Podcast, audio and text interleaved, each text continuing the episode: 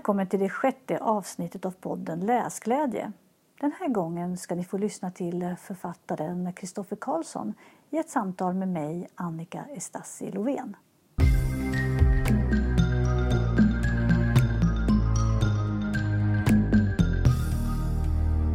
Välkommen Kristoffer! Tack! Tack så jättemycket. Det jag alltid gör det är att jag googlar mina författare. Och Då såg jag att du hade en Wikipedia-sida. Grattis, det är inte alla som har det. Nej, tack. Ja, det Nej. har jag med. Ja, ja. Grattis! tack! Mm.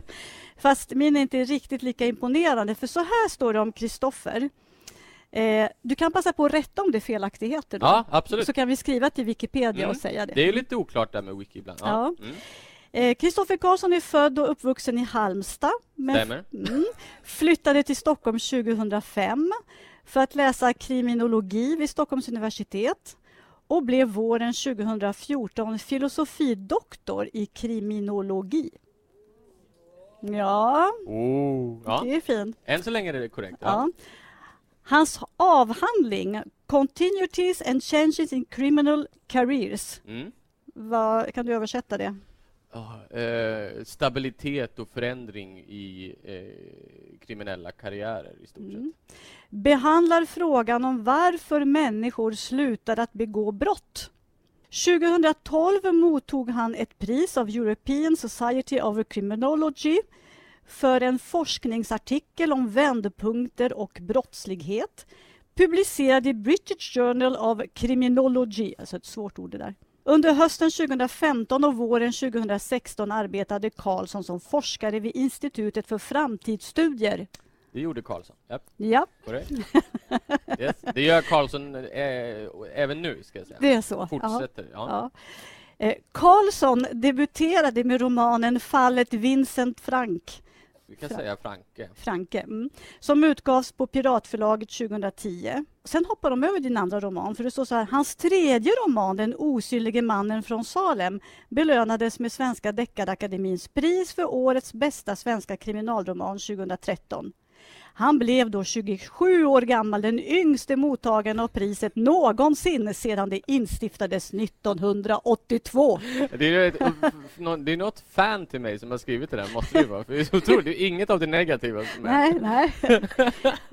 Eh, och då kan jag säga att jag vet att din andra roman heter Den nenögde kaninen. Va? Korrekt. Ja, Men det var ingen bra roman, så att, eh, vem det är som har skrivit det där har gjort rätt i att ignorera den. Okej, okay, ja, jag började läsa den faktiskt. Ja, men du kom inte igenom den? Nej, jag Nej. gjorde inte det. Nej. Ni ser. Men det var länge sedan. Ja. ja.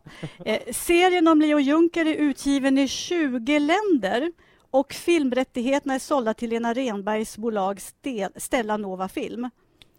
Just det. De som gjorde eh, Monica Zetterlund-filmen och även senast nu Ted Gärdestad-filmen. Ja. Så det är ett fantastiskt coolt bolag. Mm. Och vet du att jag eh, är gammal arbetskamrat med Lena Renberg? Nähä, är det jo, så? Ja, vi jobbade på Sandreff tillsammans. Jaha, åh, mm. coolt. Ja. Så jag är lite cool jag också. Ja, ja. Ja, gud ja. Dig ska vi inte ens tala om. ja, absolut. Och sen slutligen hans första roman för unga Oktober är den kallaste månaden belönades med Spårhunden, Svenska Deckarakademins pris för årets bästa svenska barn och ungdomsdeckare 2016. Alltså jag blir alldeles andfådd när jag läser allt det här. Vänta, hur gammal var du sa du? Hundra någonting. Ja. Men eh, det är ju jättespännande bakgrund som du har. Men varför är du så intresserad av just kriminologi? Ja, det är en bra fråga. Jag för mig började det väldigt enkelt med att jag eh, bodde i Halmstad och eh, skulle ta studenten och ville då ha någonting att göra efter studenten, för det förstår jag att det behöver man ha. Och jobba var uteslutet, för jobba var något som vuxna gjorde. Mm.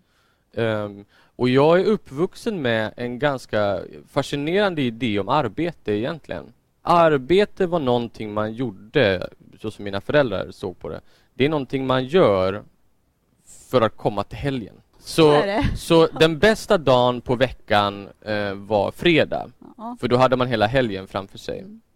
Den näst bästa dagen var eh, torsdagen, för då var det bara en dag kvar innan helgen kom. Mm.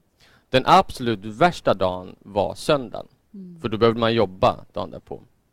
Och det här gav ju mig en föreställning om arbete som något väldigt, eh, något man till varje pris bör undvika. Liksom. Så jag visste att jag ville inte arbeta.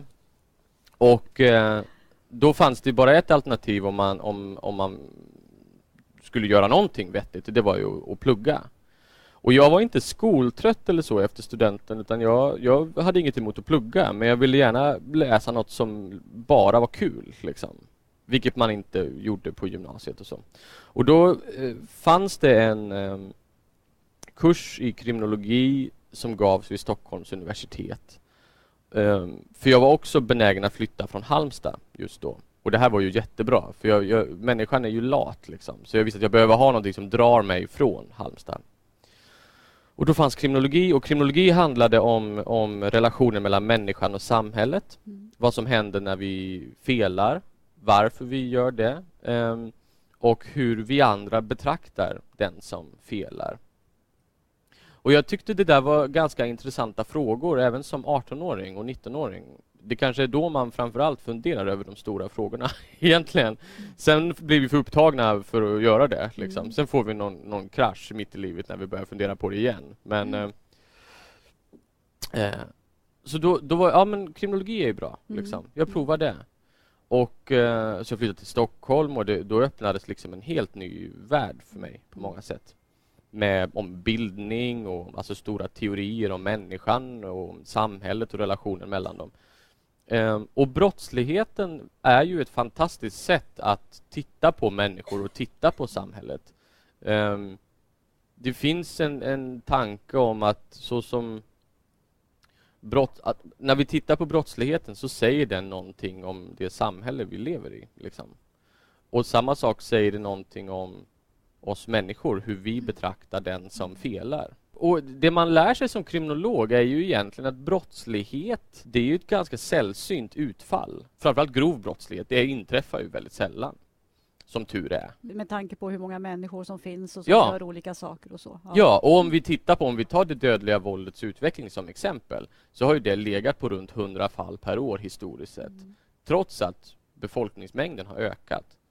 Så om vi skulle kontrollera för, för, för, för befolkningsmängd så skulle ju det dödliga våldet ha gått ner. Mm. Liksom. Så, så brottslighet är sällsynt. Men när det händer, det är bland det första man lär sig som kriminolog eller som kriminologistudent, så är det på grund av väldigt, väldigt mänskliga faktorer. Alltså faktorer som kärlek, vänskap, lojalitet, behovet av eh, makt, behovet av pengar, eh, faktorer som åtrå, beroenden, eh, alla de här faktorerna är oerhört mänskliga. Liksom. Och um, det gör ju brottsligheten till ett väldigt intressant fenomen. Mm. Därför det sätter fingret på någonting i oss som människor. Så. Mm. Men det där är intressant du säger när du lyfter upp statistiken om att faktiskt brottsligheten har inte ökat eh, lika eh, inte ökat alls egentligen, utan tvärtom. Därför att jag vet inte hur ni upplever det. När man, när man tittar på löpsedlar och sånt där så får man intryck av att det är otroligt brottsligt just nu. De skjuter varandra till höger och vänster och det är knark och det, och det kan ju bygga upp en rädsla också. Ja. Men tittar man på, på, statistiken så stämmer inte det riktigt. Nej, just nu så har vi, de senaste åren har vi haft en uppgång i en viss form av, av, av viss form av dödligt våld. Så dö, dödligt våld till följd av skjutvapen mm. har ökat lite grann. Eh, det gick ner något förra året jämfört med 2015 mm. men det är fortfarande lite högre än vad det har varit de senaste tre fyra åren. Men om man går tillbaka till liksom 2007, alltså om vi går tillbaka 10 år eller om vi går tillbaka 15 år, så har man också haft sådana här toppar. Mm. Liksom. Så det, inget, det, det, det, går inom det vi kriminologer kallar för normalvariation. Ja. Det ligger runt där och så går det upp och ner lite mm. grann. Um, däremot så har ju, um, som du sa, otryggheten ökat. Den upplevda otryggheten mm. har ökat. Och eh, det där är en sån där fråga som är väldigt svår att fixera svaret på. Mm. Alltså varför vi upplever oss, framförallt var, varför kvinnor upplever en högre otrygghet idag än vad de gjorde för tio år sedan. Mm. Um, det kan vara ett ökat medvetande kring vissa typer av brottslighet. Um, det kan vara att Alltså för, för, typ 15 år sedan så var det vi som sökte upp nyheter om brottsligheten. Nu har vi alla mobiltelefoner med pushnotiser. Vilket innebär att ni får liksom, bara inom loppet av att vi sitter här så, så har ni pushnotiser på så får ni ju just nu rån i Akalla, just mm. nu. Alltså, mm. så, va? De här sakerna hände ju förr också men vi, blev, vi, vi sökte upp dem själva när vi mm. öppnade tidningen eller kollade text-tv. Eller mm. där. Nu har vi det liksom i telefonen. Ja. Och jag tror, det är också min teori att, vi, att det, är så, eh, det är så synligt idag på ett sätt som inte var. Och då tror vi att det är också mer förekommande. Vilket är fullt naturligt. Mm. Det, man kan, alltså, brotts, frågor om brottslighet är, är ganska komplexa frågor. Mm. Eh, det är vårt uppdrag som forskare att försöka förklara hur det kan komma sig att man upplever att det ökar fast att det kanske faktiskt mm. inte gör det. Um, där kan jag känna att vi kriminologer har misslyckats lite grann med att faktiskt möta människor i deras upplevda otrygghet. För det är farligt som forskare att ha en översittarroll också, säga men nej, så är det inte. Mm. Tack, och så går man. Mm. Det är en väldigt dålig utgångspunkt mm. för en forskare om man vill bli förstådd. Um, man behöver ta människors upplevelser på allvar. Mm. Liksom. Och då bidrar du till detta genom att skriva böcker om brott. Bra där. Ja, just det. Mm. och bidra till otryggheten. Ja. Men, eller? Eller, ja, precis. För att det som... Jag vet inte om ni har läst Kristoffer. Vi kommer att spoila nu en hel del, alltså avslöja lite saker. Men det som jag tyckte var så spännande med dina böcker, det är att en vanlig deckare det är därför inte jag läser så ofta deckare. Så det är ett mord och sen så vet man att det kommer ett till och sen ett till. Alltså det följer en viss, ett visst mönster. Eh, och det är ganska förutsägbart. Men jag satt och väntade, ska det inte komma fler mord? Lite fattigt så. Det, men det gör inte det. Och Nej. det var en sån befrielse. Ja, skönt. Ja, ja, skönt. Nej, men det, därför, att, därför att egentligen brottet finns där, men det handlar om så helt andra saker egentligen. Mm. Brottet är bara någon form av katalysator för någonting helt annat. Nu har jag liksom gjort en analys av dina fyra böcker. Var det, stämde det? Var det Den är, jag skulle säga att det är totalt spot on. Ja, ja. Så är det. Och det är det som gör också att det blir så fascinerande eh, och spännande. Man får ju... Eh, man blir bekant med många olika levnadsöden. Och då tänkte jag så här att, att det, huvudkaraktären i de här fyra böcker som vi ska prata om, han heter Leo Juncker och han är polis. Och han är ganska ung när serien börjar. Men det, lite äldre när det slutar, men det går inte så många år Nej. däremellan. Det går två år. Nu är inte du polis, men eh, jag tänkte, han är väl inte ditt alter ego direkt? Nej, gud nej. får man hoppas. Han, han, knaprar, han knaprar piller hela tiden och så. Eh, men hur kom du på honom? När dök Leo Juncker upp i din, ditt huvud? Han dök upp ganska sent i den här romanserien när den blev till i mitt huvud. För utgångspunkten här var att jag satt då som doktorand i kriminologi och vi hade precis börjat arbeta med ett forskningsprojekt eh, där vi skulle intervjua personer om deras eh, brottskarriärer. Så, det var personer födda på 40-50-talet um, ehm, och eh, de hade varit med i en stor studie som unga i Stockholm eh, 1956 års klientelundersökning av unga lagöverträdare. Man hade korta, bra namn på sina SOUs på den tiden. För det här blev en SOU sen, en statlig offentlig utredning. Alltså. Då intervjuade vi eh, personer som hade liksom, de hade alla haft brottsbakgrund eh, och vi intervjuade dem och eh, vi sökte upp dem vid 60-65 års ålder och intervjuade dem om deras liv. Um, och vissa av de här hade det gått väldigt bra för. De bodde i Trångsund eller på Söder i fina bostadsrätter. Eller så De hade jobbat som egenföretagare inom VVS-branschen eller jobbat som alltså sådär, entreprenörer eller sådär. Andra hade det gått ganska dåligt för. Um, eh, inte obetydlig andel var döda. Många av de som levde då, skulle inte förvåna mig om några av dem har trillat av nu. Och Det intressanta var att väldigt många av dem hade identisk bakgrund nära nog. Mm. Så frågan som jag ställde mig och som det här forskningsfältet som jag var del i ställde sig är hur kommer det sig att personer med så lika bakgrunder kan få så olika utfall i livet? Och Det var också en tanke som tilltalade mig väldigt mycket som romanförfattare. För parallellt med det här så var jag ju romanförfattare. Liksom. Och... Eh, där började det. Och jag ville då berätta en historia om två personer som var vänner och eh, sedan går skilda vägar. Och när man möter dem i vuxenlivet så är de på helt olika eh, spår. Mm. Liksom. Och jag hade ju då, jag skrev ju den här ganska dåliga romanen Den enögda kaninen. Och eh, i samband med det så fick jag en fråga eh, av, jag vet inte om det var Göteborgs-Posten eller om det var något sånt här, om inte jag som kriminolog ska skriva en serie om en polis. För det gör ju alla. Mm. Och jag sa att nej, av just det skälet så ska jag nog inte göra det. Liksom. Det är så många andra som skriver bra om poliser redan. Leif GW Persson är en av dem, men det finns ju andra. Liksom. Så jag sa nej, det ska jag inte göra. Jag kommer inte skriva en serie och jag kommer inte skriva om en polis heller.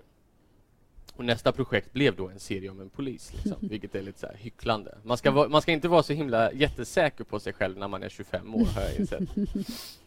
man kan ändra uppfattning över tid. Liksom. Um, hur som helst. Vilket är, vilken är, vilket är turligt, alltså att man kan göra det. Ja, ja. gud ja. Och det Ja. ser vi när vi tittar på människor över tid så också, att de ändrar uppfattning ganska ofta i frågor om liksom, politik Mm. och allt sånt där. Hur som helst. ehm, jag hade den här idén och jag ville berätta, jag visste ju att en av dem behöver vara typ bandit liksom. Men vad ska den andra vara? Han, han behöver ju vara i en konventionell roll på något sätt. Han behöver vara en del av det etablerade samhället. Och då gick jag igenom en lång lista, så här, psykolog och lärare och socionom och alltså så, så. Men, men jag tyckte, nej, han behöver nog nästan vara polis liksom. Om det här ska gå ihop ordentligt så måste han vara det. Och det möjliggjorde också för mig att ställa frågor om vi har en idé om brottslingen och icke-brottslingen, Mm. att de är så himla olika varandra. Eh, och i vissa avseenden är de det. För att den ena begår inte brott, den andra gör det. Men hur betydande är den där skillnaden Mm. i övrigt? Liksom? Så det här möjliggjorde också för mig att de kan få konfrontera varandra och se sig själva i varandra. Mm. Och det är en ganska jobbig sak att göra. Mm. Så Mm. om det man ser skrämmer en Mm. lite grann. Men också eh, gav det mig möjligheten att få säga det som kanske, om det finns någon sensmoral i de där böckerna, så kanske det är att om vi ser varandra så kommer vi lite närmare varandra. Mm. Och när människor kommer närmare varandra så är vi en liten bit på väg mot ett bättre samhälle. Mm. Så. Så, så det var egentligen det som var grunden. Mm. Liksom. Eh, och att det skulle vara en serie om vänskap. Mm. Vänskap mellan två män. Mm. Vänskap mellan män har beskrivits på ganska så tvådimensionella sätt av framförallt manliga författare som är äldre än jag. Mm. Men manlig vänskap kan vara mycket, mycket mer. Ehm, och jag ville försöka berätta den historien också. Mm. Alltså en mjukare form av Mm. vänskap. En mer nästan, liksom, jag ska inte säga sensuell, men mjukare. Liksom. Att de, bara det faktum att de rör vid varandra. Precis. Ehm, Och det börjar så med den första boken då som heter Den eh, osynlige mannen från Salem, vilket är en liten, ja, ni hör ju, det, jag har ju knappt hittat på titeln en själv. liten parafras på... Jag har ju bara bytt ut två ord egentligen. Ja. Eh, den osynlige var från början den vedervärdige och eh, Salem var ju Säffle. Ja. Så, så det är den vedervärdige mannen från Säffle. Mm. Liksom. Mannen på taket. Jag Ja. har bara, till och med initialen i orten är ju identisk. Ja. liksom. Och eh, om, om ni har läst Sjöwall Wahlöö så kommer ni att förstå varifrån du får din inspiration, gissar jag. Jag antar att du har läst dem? Ja, ja, gud ja. De Ja. är mina stora Ja. läromästare. Därför att Absolut. det som de... Det var ju samma sak med dem, att de, det var ju egentligen mycket samhällskritik och samhällsskildring. Och det är ju precis det som är så fascinerande i dina böcker. Eh, och sen att du, du tar ju upp... Du går ju tillbaka i tiden. I alla de här fyra böckerna så, så växlar du mellan nutid och dåtid och olika fall. Mm. Och nu, ja, om vi börjar med den, med den första boken, då, Den osynlige mannen från Salem. Eh, det börjar med, brottet är att en kvinna mördas, hi- hittas eh, skjuten, tror jag. Skjuten var det, Yes. Vilket är ovanligt. ja. Bara ja, där. Är ja. det så? Mm. Hur, hur hittar man döda kvinnor? Vad är de, vad har de dött av då? då? Stickskador eller, liksom, kniv för det mesta. eller trubbigt liksom, Okej. våld mot huvudet. Ja. Bra, tack, då vet jag det. Yes. Leo, det är Leo som, som blir inkopplad till det här, för att hon bor granne med honom. Just det. Sen får man gå tillbaka i tiden och så får man se Leo som, som ung, som Mm. tonåring. Mm. Och hur det här vänskapet med en, en kille som heter Grimberg, John Grimberg, det. hur det startar, hur de där två möter varandra i Salem och hur den här väldigt nära vänskapen uppstår. och hur den utvecklas och som du säger, de går åt två olika håll. Just det här med den mördade kvinnan, är det ett fall som, har, som är verkligt, som har inspirerat dig eller är hittepå? I just, just det fallet så är det, eh, just det fallet är totalt hittepå. Mm. Um, så. Men sen finns det ju i den, i den romanen så finns det ju återkopplingar tillbaka till um, Salemmordet mm. med unge Daniel Wretström mm. som jag vet inte om ni känner till det, men det är 2000 och han är, han är från Surahammar egentligen. Och han spelar trummor i ett band som heter Vit Legion, har jag för mig. Och det är lite oklart om han är eh, del i vit maktmiljön eller inte. Mm. Där går rösterna isär sen. Mm. Men, eh, men, eh, men så, det, så det är med, den fonden, det är mm. den fonden de växer upp mot. Liksom. Mm. Växer upp mot Ultima Thule och, och det är efter Lasermannen men det är innan Salemmordet kan man mm. säga. Det är innan eh, Alexander. Mm. Och det här. Så mm. det, de växer upp precis där när, när, när det är på väg att börja byggas igen, mm. liksom, högerextrema rörelserna i Sverige. Och den är otroligt spännande därför att eh, det, det, man kan säga att det skär sig mellan, eh, mellan Leo och, eh, och Grim, mm. som hans vän kallas då. Mm. Eh, de glider isär. Mm. Eh, och Grim försöker väl ta ihjäl sin kompis, helt enkelt. Och, det, och de här två karaktärerna plus några poliser följer med liksom, bok efter bok. Men sen så, tänk, så kände jag att den andra boken, Den fallande detektiven där var just temat, det här med samhällskritiken, lite tydligare än den första. Vad, berätta lite om den boken. Den boken skrevs eh, egentligen i direkt anknytning till den första.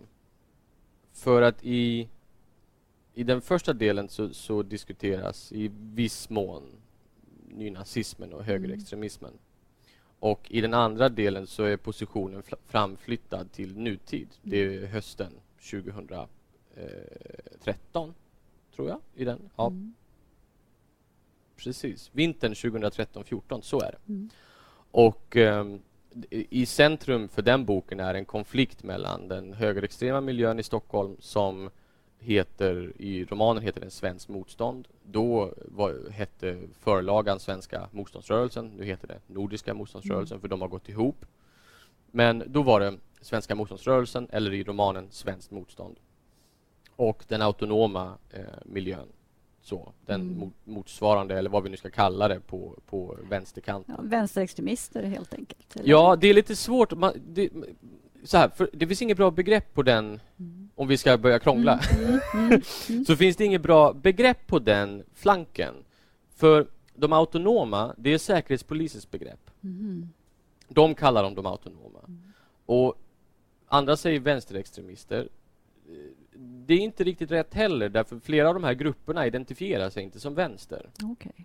Men alla grupperna som vi definierar åt höger mm. tenderar att definiera sig som höger mm. på en mm. sån skala. Men många på den här vänsterkanten gör inte det. Mm. Så det finns egentligen inget bra ord mm. som inte då är Säpos. Vi använder autonoma för att alla ska fatta vad vi menar. Man skulle kunna kalla det våldsbejakande antifascism eller något sånt där, men jag vet inte om det hjälper så värst mycket. Nej, nej. men eh, så i centrum för den boken står en konflikt kring mm, mm. det här nu då. Parallellt med att Sverigedemokraterna som parti har blivit ett riksdagsparti och eh, står och väger lite grann. Eh, vilket det gjorde då, ska det vara ett väldigt högerparti med väldigt, väldigt populistisk syn eller ska de falla mer åt ett mainstream nu när de har blivit, nu när de har mm. kostymer på sig och mm. går i riksdagens korridorer? Var ska det bli av dem? Och där verkar det finnas en intern slitning också mm. som bland annat har involverat uh, ungdomsförbundet och sådär. Så att uh, jag tror att slitningen fanns mm. ordentligt alltså. Ja, så det, det, är i centrum av den boken. Ja. Bo boken börjar med att en forskare i sociologi dör. Ja. Uh, han är ung och prisbelönt. ja.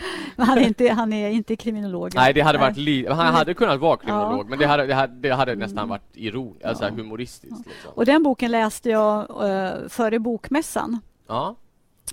Och då tänkte jag, undrar om Kristoffer sitter där och, och tänker att eh, ja, det är som att ha siat i en kristallkula. För då pratade man innan bokmässan så pratade man mycket om det här demonstrationståget med Nordiska motståndsrörelsen och att det skulle komma då antidemonstra eller motdemonstranter och det skulle bli, alltså media piskade upp det här. Mm. Man såg att det skulle bli ett mindre världskrig där nästan. Eh, och det är ju precis det du skildrar i den här boken, hur de här, alltså, mm. vad som händer. Det var lite läskigt att läsa faktiskt, för att det var så spot on. Tack för det, ja. får jag väl säga. Bakgrunden till, det, till den, för det, jag vet inte om ni kommer ihåg Kärrtorp-händelsen? Är den bekant för er? Det är en, ja, um, den inträffade i december 2013 mm. och det som var obehagligt på riktigt var ju att, var att jag hade skrivit ett utkast till den här boken som var klart då. Och jag vet att sommaren 2013 där så skriver jag en scen där, där i stor, stort sett Kärrtorp-händelsen inträffar. Men den inträffar i Skarpnäck istället. Mm. Jag har bott i Skarpnäck, där finns ett bra fält och sådär som man liksom kan. Så. Eh, eller bra, ja, jag försöker, om, man, om man försöker tänka ja. utifrån en inifrån position så är det ett mm. jättebra fält för en konfrontation. Men du, du skrev den scenen innan den inträffade? Ja. Mm. Och då var jag ganska nära att eh, ändra på det. Mm. För jag tyckte inte att det var... Ja, min första impuls var, var att jag tyckte det kändes olämpligt. Mm. Men sen var det så att den var skriven innan, det var viktigt att ha med den scenen mm. rent dramaturgiskt i boken. Mm. Den betydde mycket för de karaktärerna som inblandade. Den skiftar handlingen mm. liksom och sådär. Så men, men, betyder det, om man är kriminolog och studerar alltså det som har hänt och så, kan man då av historien lära sig om framtiden? Inte så att du är en, en, siare. en siare inte, men att du kanske inte blir riktigt lika förvånad när vissa saker inträffar för du har sett liksom mönstret bakåt. Så är det nog. Så är det mm. nog. Um, det var ju... Jo, men så kan man nog säga. Samtidigt så om det är någonting vi lär oss som... Ah, så här kan man säga. När det gäller individer, så om det är någonting vi hittar i vår forskning när vi tittar på utfallen av hur folks liv blev, så är det att det är väldigt svårt att liksom predicera, som vi säger, på mm. individnivå. Om jag, om jag har tio pojkar framför mig och jag vet deras brottshistorik och sådär, då kan jag säga ja, sju av er kommer, kommer eh, det gå bra för, tre av er kommer sitta på kåken när ni är 25. Jag kan bara inte säga vilka tre Nej. det är. Det är det som är mm. paradoxen mm. i, i, preventionen. Alltså att är, vi kan säga på gruppnivå jättetydligt, men på individnivå är det jättesvårt. Mm. Och, och, på samma sak, ja, på gruppnivå, på samhällsnivå så kan man se strömningar. Jag var inte jätteförvånad när, när, när lastbilen körde på Drottninggatan. Liksom. Det var mer en fråga om när och var. Mm. Um, var kunde man nästan till och med ska inte säga gissa, för det låter så himla fult, men VAR var heller inte så oväntat mm. med tanke på att det hänt en nästan likadan händelse där tidigare. Mm. Det är en, om vi nu säger, bra mm, plats mm. för det här. Men ändå, det förtar ju inte att man blir chockad och ledsen och så. Det är jag menar, en forskare är också människa. Mm. Liksom. Um, så. Men, um, och den här terrorism det här terroristspåret, det tar du upp i din senaste boken. Just den senaste boken, Den tunna blå linjen. Just det. För då skildrar du faktiskt eh, verkliga händelser. Det handlar inte om dem, men de spelar en roll Just i berättelsen. Just det. Och det var när eh, vi trodde i Sverige att det skulle bli ett attentat. Kommer ni ihåg det? Man fångade den här unge mannen uppe i Norrland. Ja. Mm. Han var eftersökt av hela Sverige och ingen kunde hitta honom förutom den som loggade in på Facebook och såg att han hade ätit på McDonalds i Boliden eller Säpo, var kan han vara? Vi vet inte. Ja, ja förlåt, man ska inte ja, skratta, men i, i, efterhand är det ju enkelt. Liksom. Ja. Så, det var också en fråga om, eh, om det verkligen var den personen. Mm, och så där, så mm. Säpo visste inte riktigt, tror jag, Nej. vilken person det gällde. Liksom. Och, i, i, den, och då, men innan vi går tillbaka till den, för vi ska ta också Mästare, väktare, lugn, lugnare vän. Ja. Eh, för där går du tillbaka till ett fall, om jag minns mm. rätt. Ja. Fallet Cats Falk. Precis, för att jag, kommer inte, jag, alltså jag vet inte vad man kallar det här i, i dina kretsar. man säger så. Ja, mina kretsar, ja. ja. Men Det, det, är det, det är det fallet. Och då, då kan du berätta för er som inte vet det. Det var en journalist, en kvinnlig journalist. Just det. Så, så poängen i den här serien är, mm. jag ska bara kort, mm. för det är en bra fråga. Tanken är att eh, vad serien gör, det är att den spårar den här vänskapen mellan de här två Mm. personerna bakåt i tiden. Alltså om man ska förstå vad som händer när de två sitter i samma rum så börjar det ganska enkelt i bok ett. Men steg för steg så kompliceras det i bok två och tre. Eh, där fler karaktärer kommer in, man ser hur liksom konsekvenserna rör sig genom tiden, en sån kedja av händelser som krokar i varandra. Och så. Det var liksom tanken. Jag tyckte det skulle vara kul Mm. att försöka berätta en sån historia och att läsa en sån historia framför allt. För det är det som är utgångspunkten. Skulle jag ens vilja läsa det här? Nej. Och det känner jag, det skulle jag vilja. Så därför vill jag skriva det. Och i den här boken då så får man följa en person som visar sig ha ganska stor betydelse och det är Leos före detta chef Charles Levin. Och han, eh, när man möter honom i, i början så är han eh, intendent på dåvarande Rikspolisstyrelsen. Och eh, här på 80-talet eh, så får man veta att han har ett ganska skuggigt förflutet inom Säkerhetspolisen. Och han involveras då på olika sätt eh, i en journalists liv som heter Cats Falk. Och eh, hon är en ganska ny, kommer ni ihåg Cats Falk? Är namnet bekant? Hon försvinner i november 1984. Då är hon ganska nykläckt reporter på SVT Aktuellt. Hon har nyligen varit programsekreterare men precis blivit reporter. Och eh, hon är och äter middag på restaurang Örnshörn med sin väninna Lena Gräns som är tvåbarnsmamma, bor ute i Bromma. Och klockan är halv tio på kvällen. De lämnar restaurangen och går upp i rök. Ingen vet var de tar vägen. Ingen har sett dem, ingen har hört någonting. Sex månader senare, i maj 1985, så drar man upp en vit Renault ur Hammarbykanalen. Och i den eh, sitter Lena Gräns och Cats Falk. Det som är lite konstigt är att det är Cats som sitter vid ratten. Och det är Lena Gräns bil. Och Cats är en väldigt ovan bilförare, det vet man. De har dessutom druckit vin på Örnshörn, så de är onyktra båda två. Cats har högklackade skor på sig. Lena Gräns har ett smycke på sig som man hittar på kajkanten, vilket vissa tolkar som att Lena Gräns har varit utanför bilen nere i Hammarbykanalen. Det finns ytterligare konstigheter som inte stödjer den officiella versionen, nämligen att de skulle ha gett sig ner dit för att övningsköra lite med flaska vin i kroppen. Lena Gräns, otroligt prydlig, skötsam tvåbarnsmamma från Bromma, som sagt. Cats Falk, ung, ambitiös reporter på SVT. Så. Och att det var en olycka. Och att det skulle vara en Mm. rak olycka bara. Eh, det är möjligt att det var det. Mm. Men eh, eh, genom historien sen så kommer det fram en massa konstigheter. Senast typ för tio år sedan så blossade upp nya uppgifter, bland annat i Tyskland, om att det här skulle på något vis vara knutet till eh, skumraskaffären, möjligen involvera den östtyska underrättelsetjänsten och sånt där. Kanske är hon... Man, det man, man vet att hon var i, i kölvattnet av den så kallade ASEA-affären, containerhärvan, så var hon uppgifter på spåren så, som vi inte riktigt vet vad det var Mm. och vad det ledde till. Och jag tyckte att det där är ett fall som liksom inte har skrivits om i fiktionen. Jag menar, det, det naturliga hade varit att ta Palme. Mm. Men alla har, det är så, Palmemordet tråkar ut mig. Mm. Det låter hemskt att säga, det är en jättehemsk händelse, det är mordet på en statsminister, det är inte löst. Men som romanförfattare är det tråkigt. För det, finns, det är så mycket skrivet om det. Det finns så många teorier. Det är PKK, det är polisspåret, det är Iranaffär, alltså det finns så mycket.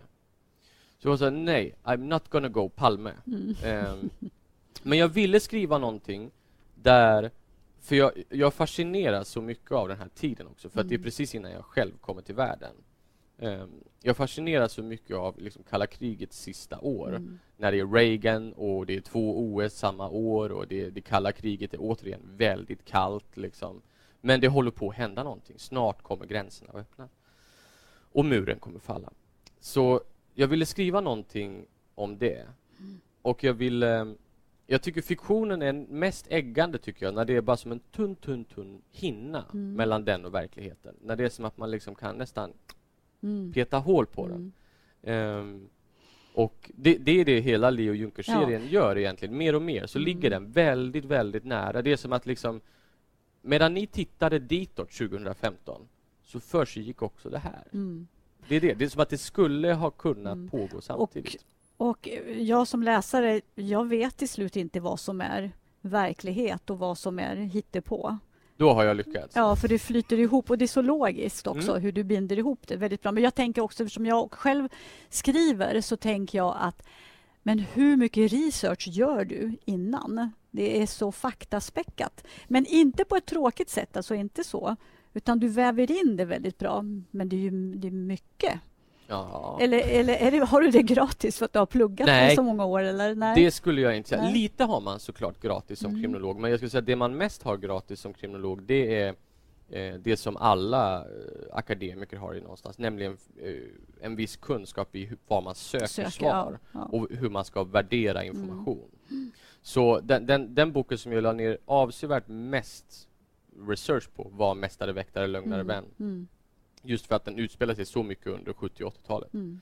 Och då bestämde jag mig väldigt mer, för det här är ju, det finns ju anhöriga som är i livet och så. Mm. Jag tror Cats Falks mamma, oklart om hon får, jag tror att hon har avlidit nu faktiskt. Eh, Men hon levde tills för bara något år sedan vet jag. Så jag var, jag var väldigt försiktig här med rent etiska spörsmål så också. Liksom. Det är ju en roman det här. Mm. Och ehm, jag var då väldigt noggrann med att jag ska inte söka upp ny information. Jag ska Mm. inte göra intervjuer på egen hand eller sådär.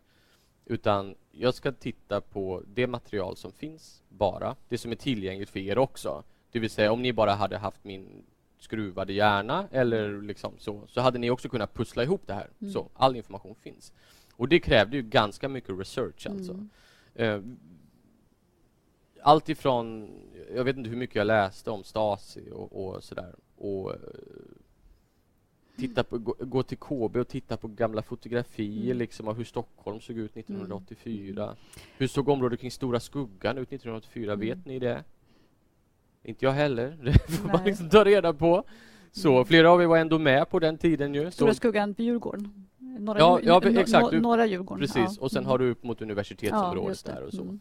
Ehm, så att det var, Mm. det var ett jäkla jobb. Och, men Mm. jag tycker det är ganska roligt också. Mm. Och, Ja, det, det förutsätter jag att du tycker. ja, Annars skulle du inte göra det. precis. Nej. Men jag, som författare är jag också ganska girig. Och det, det, jag, jag är mån om min tid. Mm. Så att jag, jag börjar aldrig med att göra research. Utan researchen får dyka upp allt eftersom Ja, okej. jag upplever att så här, Mm. här vet jag inte riktigt. Mm. Här måste jag kolla Mm. upp. Mm. Och ehm, för mig är det bra. Mm. För att... På, så här. På ett sätt är det bra att göra så. Därför det innebär att historien rör sig framåt hela tiden. Jag, jag, jag skriver historien jag vill berätta. Samtidigt kan det också vara så att man då kommer till en återvändsgränd när man läser någonting och bara, aha, okej, så det där, det, där, det där går inte. Nej, din teori håller inte. Nej. Nej. Det funkar inte. Mm. Okej, då får vi backa då. Mm. Och så får vi skriva om kanske föregående fyra kapitlen, fem kapitlen. Man kanske behöver lägga till någonting helt och hållet från början. Så på det sättet är det ganska tidsödande. Men hur lång tid tar det för dig att skriva? För jag menar, du har skrivit sju böcker inklusive ungdoms eller, Mm. ungdoms eller barnbok, ungdomsboken. Ungdomsbok. Sju böcker på sju år. Ja, Eller inte skrivit, du har fått publicerat sju böcker på sju år. just det. Och så jobbar du Just det. heltid. Eh, och så antar jag att du måste sova och äta lite också. så, så Ja, Jag har ett barn jag vill träffa ibland. det är också, precis. Ja, du Jag har- hinner, det- hinner med det. Så här är det. Ehm, jag, jag, eh, jag har faktiskt jag har varit tjänstledig, så det är faktiskt först... eh, Jag började i september började jag som forskare igen och jag Mm. började faktiskt bara på halvtid då. Mm. Så nu jobbar jag på halvtid. Det känns skönt Ja, det känns för skönt mig att att höra. höra. Ja. Att, tänkte jag fick lite komplex där. Nej, Ja. men det ska, du, det ska Mm. ingen ha. Ehm, du vet, jag har prioriterat det här Mm. framför typ nästan allt annat. Mm. Första gången jag hörde det, jag tror att det var på en, eh, en sån där bokklubbsfrukost. Mm. Det måste ha varit du och jag tror att du berättade då att du klev upp var inte, det är inte så att du satte dig och började skriva när du ens var vaken? Jo. Ja. ja, Så. precis. Därför att du tyckte att då gick det direkt från, huvud, från hjärnan direkt ner liksom på tangentbordet. Ja. Ja. Om jag verkligen får som jag vill så, så jag, må, jag går upp och så, och så sätter jag på en kanna kaffe. Mm. I det skedet är jag ju existentiell ånger dock. För att det är så här, ja men så här, varför gör jag det här? Mm. Jag är så trött. Liksom. Mm. Vad ska det här tjäna till? Vem läser ens det här? Det är Mm. inte värt det. Men sen när jag har druckit en kopp kaffe då, och sätter mig, då är jag liksom mer kreativ under de kanske två, tre timmarna som följer än vad jag är under resten av dagen Mm. sammantaget. Jag vet inte vad det är, om det liksom är att jag är närmare någon sorts drömvärld Mm. eller att jag bara, man- är mer, jag är mer töjbar rent intellektuellt på morgnarna. Jag vet, jag vet faktiskt. Samma sak är det med forskningen. Alltså, i, även när man forskar måste man vara ganska kreativ. Mm. Du måste se hur vissa mönster hänger ihop och vad du ska kalla de mönstren. Till exempel i ett, i ett empiriskt material. Och den typen av saker kräver att man är kreativ Mm. och kan tänka. Och de- de upptäckterna, eller vad man ska säga, de idéerna kom också på morgonen. Mm. Så fram till lunch så kunde jag liksom hålla på med forskning och så där. Sen efter lunch kan man göra sådana här lite, lite tröttare saker som undervisa studenter och Mm. Ja, rätta tentor och Ja. sådär. Men i morse klockan eh, halv sex vid frukostbordet, Mm. då sa jag till min man, jag vet vad min femte bok ska handla om. There you go. Ja. Det är någonting. Och så drog jag hela storyn. Så det är väl när man ligger och sover så är det någonting som processar undermedvetet så, så jobbas det hela tiden. Alltså min, min bästa kompis är, är psykolog och eh, forskningsassistent i, i ett projekt där de, han är så väldigt neuropsykologiskt kunnig. Det är ett forskningsprojekt om, om eh, autism och, Mm. och autismspektrat. Så.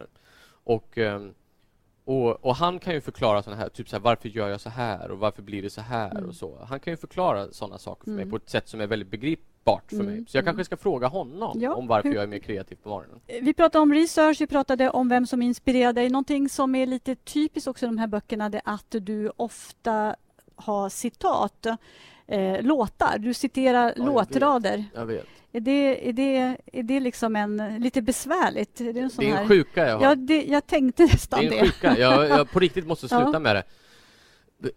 Så här, grunden till det, det var att eh, om det är någonting man, litteraturen är dålig på, så är det att fånga vilken betydelse musik har i människors vardag. Mm. Och för mig som, som fortfarande är relativt ung, jag tänker att det är likadant oavsett ålder egentligen. Mm. Det är bara vilken musik som skiljer sig åt. Mm.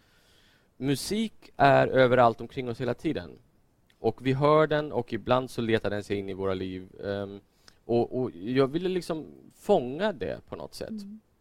Och eh, försökte göra det på det här sättet. Problemet är ju bara, för jag tänkte att det kan bli ganska snyggt om man lyckas göra det. Det kan bli så här, om man, om man tänker sig en väldigt, väldigt, väldigt sorglig scen mellan två personer till Mm. exempel. Och så sitter de på en bar och pratar och kanske gör slut eller någonting. Och så spelas Be My Baby av Mm. Ronettes. Den kontrasten är ju liksom väldigt Mm. slående. Mm. Finns det något sorgligare än, än det? Till exempel. Det funkar jättebra på film. Mm. Men det funkar inte så bra i litteraturen har jag märkt. Nej, men det gör inte det. Rent klart, det funkar ju inte. Om du ser, jag jag Ja. bantar ju ner det bok för bok. I Ja, den här boken, här är nästan inga. nej, liksom. nej, det var mycket mer i början. Ja, ja, det är mycket mer i början. Ja. Och, och upprinnelsen till det, det var att jag, jag, jag, det fanns ett litteraturmagasin som hette... Åh, det var en siffra. Det kom bara två nummer. Den, det var en så här ideellt, det gick i konken sen. Liksom. Okej, ja. Men då var, det var en jättefin idé. Det var någon som ville prata med mig just om musik i böcker. Och, och så han ringde upp mig och sa, sa det vore så bestämde vi en tid och så sa han, ja men jag kan skicka det. För vad jag har gjort, sa han, är att jag har googlat på alla låtcitat och så har jag tagit fram och så vilken låt och artist det är. Jag tänkte, i alla dina böcker, det var fram till och med Den fallande detektiven Mm. Så jag tänkte, jag skickar över det till dig och så kan du eh, bara titta på det och så kan vi ha det som underlag för när vi gör intervjun sen. Ja visst, tänkte jag. Så, så han skickade det, jag satt på eh, mitt arbetsrum då och satt där och så började jag liksom, fick jag dokumentet, så började jag öppna och så började jag så här scrolla liksom. Och så den listan tagit liksom inte slut. och då var jag så här, herregud jag har ett problem.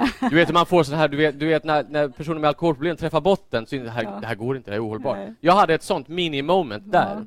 Eh, att säga, jag måste sluta, jag har ett problem. så sen dess har jag faktiskt försökt tona ner det ganska Ja. mycket. För vet du vad problemet med det är? Om man Mm. bortser från att det är störigt. Mm. Det är att det också kan ha en exkluderande effekt på läsaren.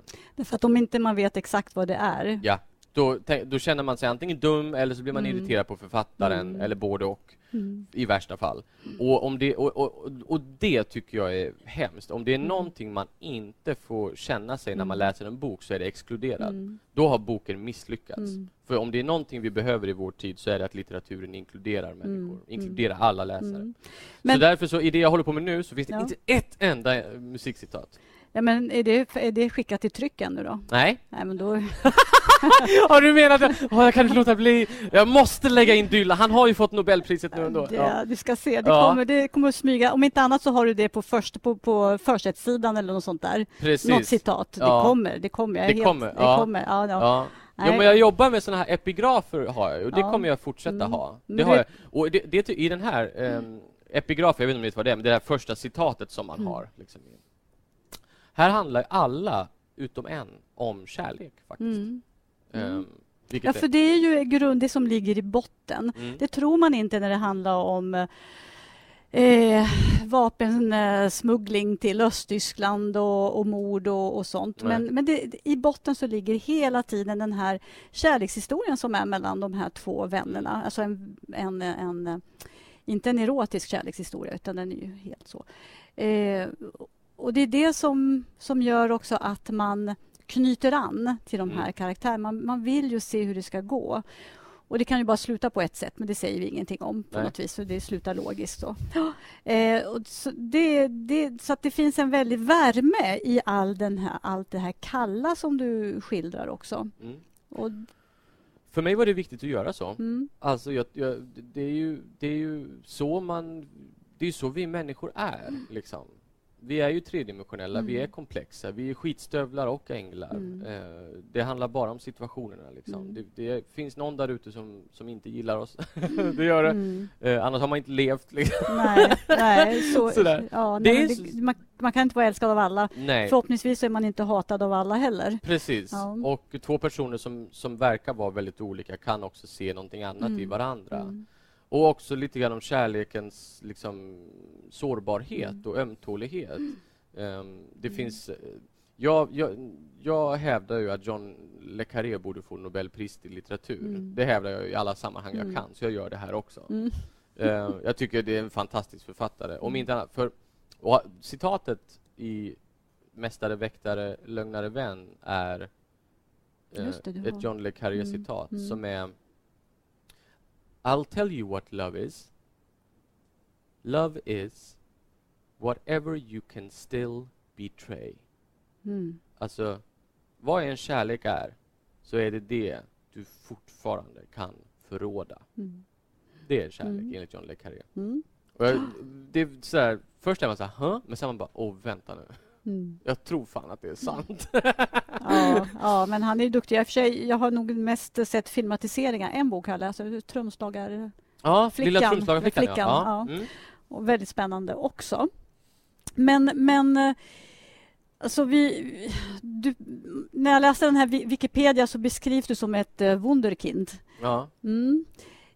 så är Men- det ju inte. Nej, för tiden går.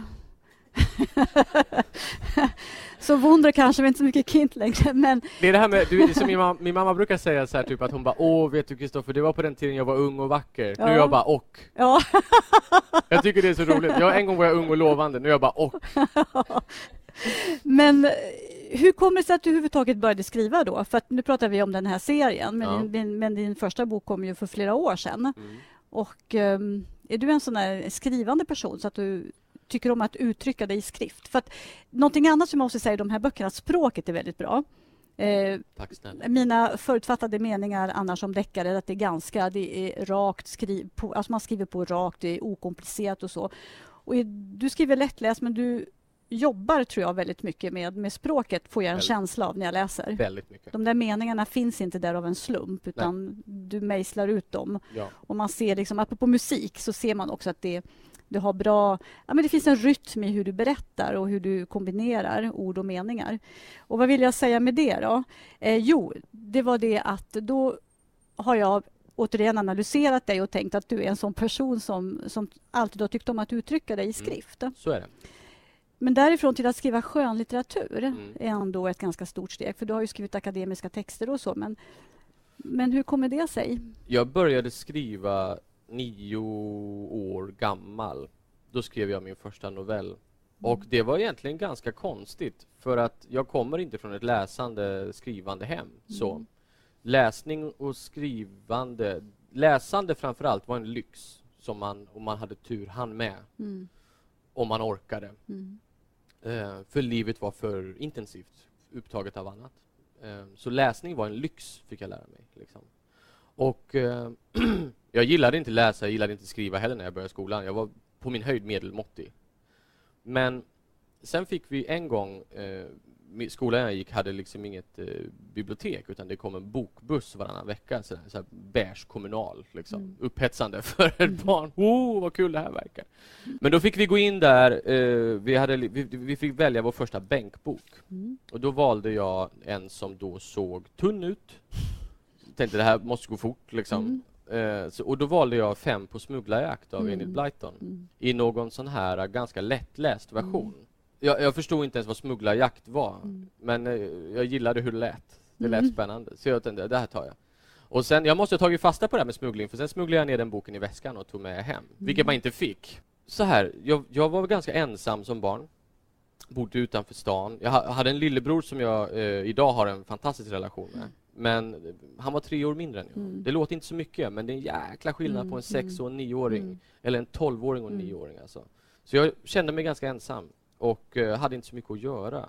Så jag läste och eh, någonstans längs med vägen började jag också skriva. Mm. Jag har lite svårt att sätta fingret på vad det är som gör att jag liksom, mm. mitt, vet, mitt genesis moment, vad Nej. det är som är att jag skrider till handling. Mm. Men utgångspunkten var att jag hade läst Enid Blytons Fem på äventyr. Och jag skrev då eh, Fem på äventyrs liknande mm. noveller mm. om en grupp unga personer. Och eh, jag då var ganska finnig och hade tjocka flaskbottnar till glasögon och gillade inte hur jag såg ut och sådär. Så, men, men, när jag läste så var det första gången som jag liksom upplevde att jag kunde transformera mm. mig själv. Mm. Jag kunde förflytta mig och bli någon annan. Mm. Det var liksom den första, ja verkligen transformativa handlingen jag gjorde. Så. Jag läste. Mm. Så jag skrev mig själv, när jag sen började skriva, så skrev jag mig själv in i världen på det sätt som jag liksom önskade att jag kunde mm. vara. Jag vet, jag vet om det var Birgitta Stenberg, hennes sista bok heter Skriver mig ut ur världen. Mm. Jag skrev mig in i världen. Okay. Och, och, det var bara, det var, det var elektricitet liksom. Och så, så den här novellen som du skrev när du var nio år, mm. var det Den är inte publicerad. Nej, inte än. Men det kommer det... aldrig, aldrig hända. Men har du kvar den? Ja, den heter Smugglarna. Nej, det gör det. Jag tänkte fråga vad, vad den handlar om, Smugglarna. Mm. Ja, det, var, ja. det var spänning i alla fall. Absolut. Det var, ja. det var, ju i den eh, mm förryckta, brottsdrabbade, marginaliserade förorten Snöstorp. Ni hör ju hur det, alltså så här, det är liksom, man behöver inte ens ha ja. övergångsställen för bilarna kör så långsamt. Liksom. Men alltså vad brukar man säga, det ska böjas i tid, det som krokigt ska bli. Absolut, ja. absolut. Eh, så det var så det började, sen har du fortsatt då att skriva förstås? Ja, i, i stort men, sett. Det har, det har ja. gett mig någonting som jag aldrig liksom har fått på något annat Men vad sätt. gör du då om 10-20 år? Vad, om du tänker, eftersom du är så bra på att spå händelser i dina böcker.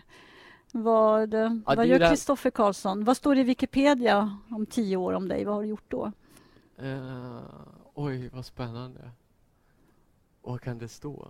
Det är sånt där som jag brukar fråga mina medarbetare när jag har utvecklingssamtal med dem. Ja. Kan de inte svara får de inte vara kvar. Ja. Oh! oh. Eh, men det, som, det som inte kommer stå i alla fall, som jag aktivt har arbetat för att det inte ska bli, är eh, blev utbränd vid 32 års ålder. Det, det, är ganska bra att inte ha det som mål. Ja, ja. ja. Och, och I övrigt så är det ju svårt. Eh, för jag sa förut att ja, vi kan predicera på samhällsnivå eller mm, sådär. Men inte på individnivå. På individnivå är det väldigt svårt. Mm, liksom. Mm. Men om du får önska då? Jag kommer att fortsätta skriva. Målet är att skriva färre men bättre böcker, mm. har jag föresatt mig. Mm. Intressant, för då måste jag givetvis fråga vad menar du med bättre? I vilket avseende? Böcker som jag känner är närmare den... Så här. För mig är det, man har en idé om en roman. Mm. Och i, i att liksom skriva ner den handlar det väldigt lite, eller handlar det väldigt mycket om att förstöra idén så lite som möjligt. Mm. Idén är alltid bättre än den här. Mm. Liksom. Och um, går inte att sätta procentsatser på det, men säg att liksom en, en, en bra roman ska vara 70% så bra som idén är, mm. annars är den inte good enough. Jag bara mm. höftar nu, det går ju inte liksom att mm. kvantifiera så, men målet är liksom att komma närmare Nej, det okay. på något sätt ja. och också ta mig mer tid mm. Eh, med varje roman. Så. Sedan så har jag också börjat skriva lite annat. Um, så, som jag liksom inte kan prata om, Nej. tyvärr. Men är det skönlitteratur eller någonting helt annat? Det är historier. Okej. Mm. okej. Det, det kommer Men- en novellsamling snart. Nej, det, den kommer inte, det, ko- Mm. det är inte något som kommer komma inom ett par Okej. pärmar. Nej, nej, liksom. okej. Så. Mm, mm. Utan det är någonting helt annat. Mm. Men så, så jag kommer fortsätta, hoppas jag. Jag skriver just nu på en roman eh, som jag eh, tycker väldigt mycket om, än så länge. Och sedan så har jag en idé till ett, det är en, det är en fristående roman som jag vill skriva. Mm. Och sen börjar jag långsamt få en idé till ett större eh, polisdrama som jag vill skriva. Som eh, jag inte ska säga så mycket om. Nej, nej jag ska.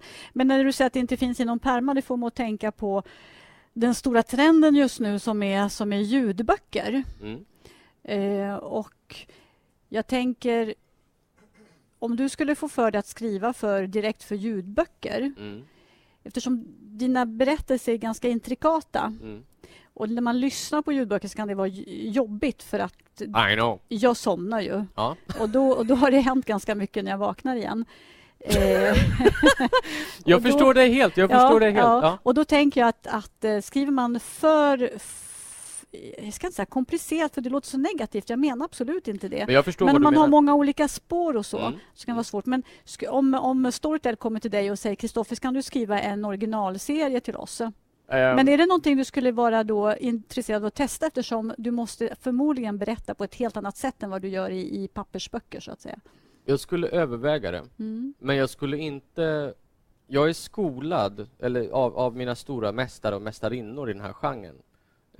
När jag skriver någonting, då skriver jag det för att ni ska läsa det. Alltså ni ska se Mm. det och läsa det. Mm. Så för mig är det viktigt hur en text faller Mm. över ett sida. Apropå det vi pratade om med Mm. rytmik och så. För Mm. mig är det verkligen viktigt. Vi läser kriminalromaner. Om du tar den genomsnittliga kriminalromanen och sen en roman av, säg, eh, Murakami eller eh, Siri Mm. något sånt där. Jag tror att man läser, alltså antalet blad du vänder i timmen Mm. är mycket högre än antalet blad du vänder av Siri Hustvedt på en timme. Mm. Man läser en kriminalroman fortare. Mm. Det har att göra med att det ska vara spännande och den journalistiska prosan är Mm. också ganska så. Den är instrumentell för den syftar bara till att Mm. säga vad som händer. Mm. Jag, gi- alltså, att läsa en kriminalroman för mig ska också vara en estetisk upplevelse. Mm. Jag gillar att man kan landa i språket. Mina böcker ska vinna på att också kunna läsas långsamt. Mm. Att man ska stanna upp på en sida och Mm. se hur, hur en scen gestaltar Mm. sig över Mm. sidan. Så.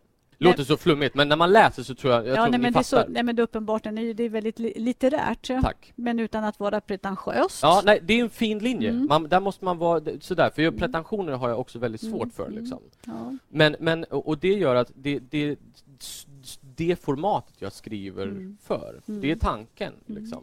Och det gör att alla sådana här val, då måste man tänka väldigt noga. Mm. Och, ehm, jag så jag skulle inte säga nej direkt. Jag skulle Nej. få fundera på om jag hade en Mm. historia som jag Mm. kan berätta på det sättet. Jag skulle, ju, jag skulle i så fall berätta en historia som har formen av en ljudinspelning. Märker ni nu hur han börjar? Direkt? Såklart. Och det, det är faktiskt inte morgon. nej, nej, snart kanske för min del. Ja. Ehm, Ja. ett, nej, men jag tänker att om den börjar som en ljudinspelning, liksom, Mm. Då blir det, då blir det så här 1, 2, 1, 2. Jag vet Mm. inte om jag hörs kanske. 1, Mm. 2, 1, 2. Ja, Ja. det jag tänker berätta är i alla fall så. Så, så, så, det det är en början. ja. Ja. Men om jag då kan flicka in och så stoppa in lite relation, lite kärlek och så, då Ja. kanske vi kan skriva ihop. Då har vi så snart har vi en Storytel Original-roman, absolut. Men de där jäklarna trycks väl också nu, är så? Jo, Storytel trycks. Jag såg det på bokmässan Ja, att de ja. står där. Ja, Mm. så de ska också kunna hålla Som- så här då? Ja, som Och- pocketböcker fast de är, de är det fult papper och fula omslag och allting. Så Okej, de är fula. Så, nej, okej. vill, så vill vi inte ha Okej. det. Men, för, Men- för det är det som är min poäng, Mm. att om den låter bra, det är inte samma sak som att den ser Nej. bra ut. Precis. Och jag vill att den ska kunna se bra Ja. ut. Det ska vara fint för era ögon liksom, Mm. att få läsa en text av mig. Så det är viktigt för mig. Roligt. Eh, Retro. Retro. Retro. Ja, det är så. jo då. När fan blir gammal blir han konservativ Ja. som, eh, som man brukar säga. Mm. Ja. Då har jag bara några såna korta frågor som jag brukar köra. Oj, okej. Mm. Pappersbok eller digitalt? Pappersbok. Bokmärke eller hundöron? Hundöron. Sorry. Ja. Tjocka eller tunna böcker? Tunna. Klassiker eller nyskriven litteratur? Enid Blyton är ju klassiker Ja, jag kan vi vet. säga. Ja, jag vet. Jag försöker läsa mer nyskriven, för jag har läst så mycket klassiker, så Mm. jag säger nyskriven. Jag. Eh, film hemma eller på bio? På bio, Öl eller vin? whisky. Okej. Ja, Bra. Kött eller fisk eller ingetdera? Kött. Kött. Men jag försöker äta mer fisk faktiskt. Ja, det är som en riktig karl. Kött och whisky. Ja, men Ja. i något avseende måste jag väl vara det också. Jag är ju så himla, ja, Ja. i övrigt. Ja. Landsbygd eller storstad? Med tanke på att du skriver om landsbygd i en av de här romanerna. 20 år gammal skulle jag ha sagt storstad Mm. utan tvekan, för då flydde jag landsbygden allt Mm. vad jag kunde. Numera eh, landsbygd. Mm. Jag, det, det, jag, jag trivs där Mm. mer och mer. Mm. Jag förstår det. Vi flyttade till Norrtälje för två år sedan. Aldrig Det är väl inte landsbygd? Jo, det det är är 50 jättela- minuter från huvudstaden. Det är jättemycket landet jämfört med... Du, i Marbäck där jag kommer ifrån, där skrattar de åt dig just Okej, nu. ja, Ja. okej. Ja, ja, men det finns ju gränser för mig också. Ja, ja. Norrtälje, det, får, det är liksom tillräckligt. Eh, vad gillar du om parmiddagar då? Är det ångest eller glädje? Eh, beror på vem paret är. Ja, det är bra. Okej, hörrni. Tack ska ni ha för att ni kom och att ni lyssnade och att ni ställde frågor. Och jag har en eh, liten gåva då till käre Kristoffer som är faktiskt som en tanke på sätt och vis. Åh! Ja, alltså det mjuka kommer i form av honung Åh! och sen får du lite hårda för att det är whiskyhonung. Åh, Åh, vad, du, vad ni känner mig bra! Tack snälla! Tack snälla! Tack, Tack ska så du ha. Tack. Tack, tack.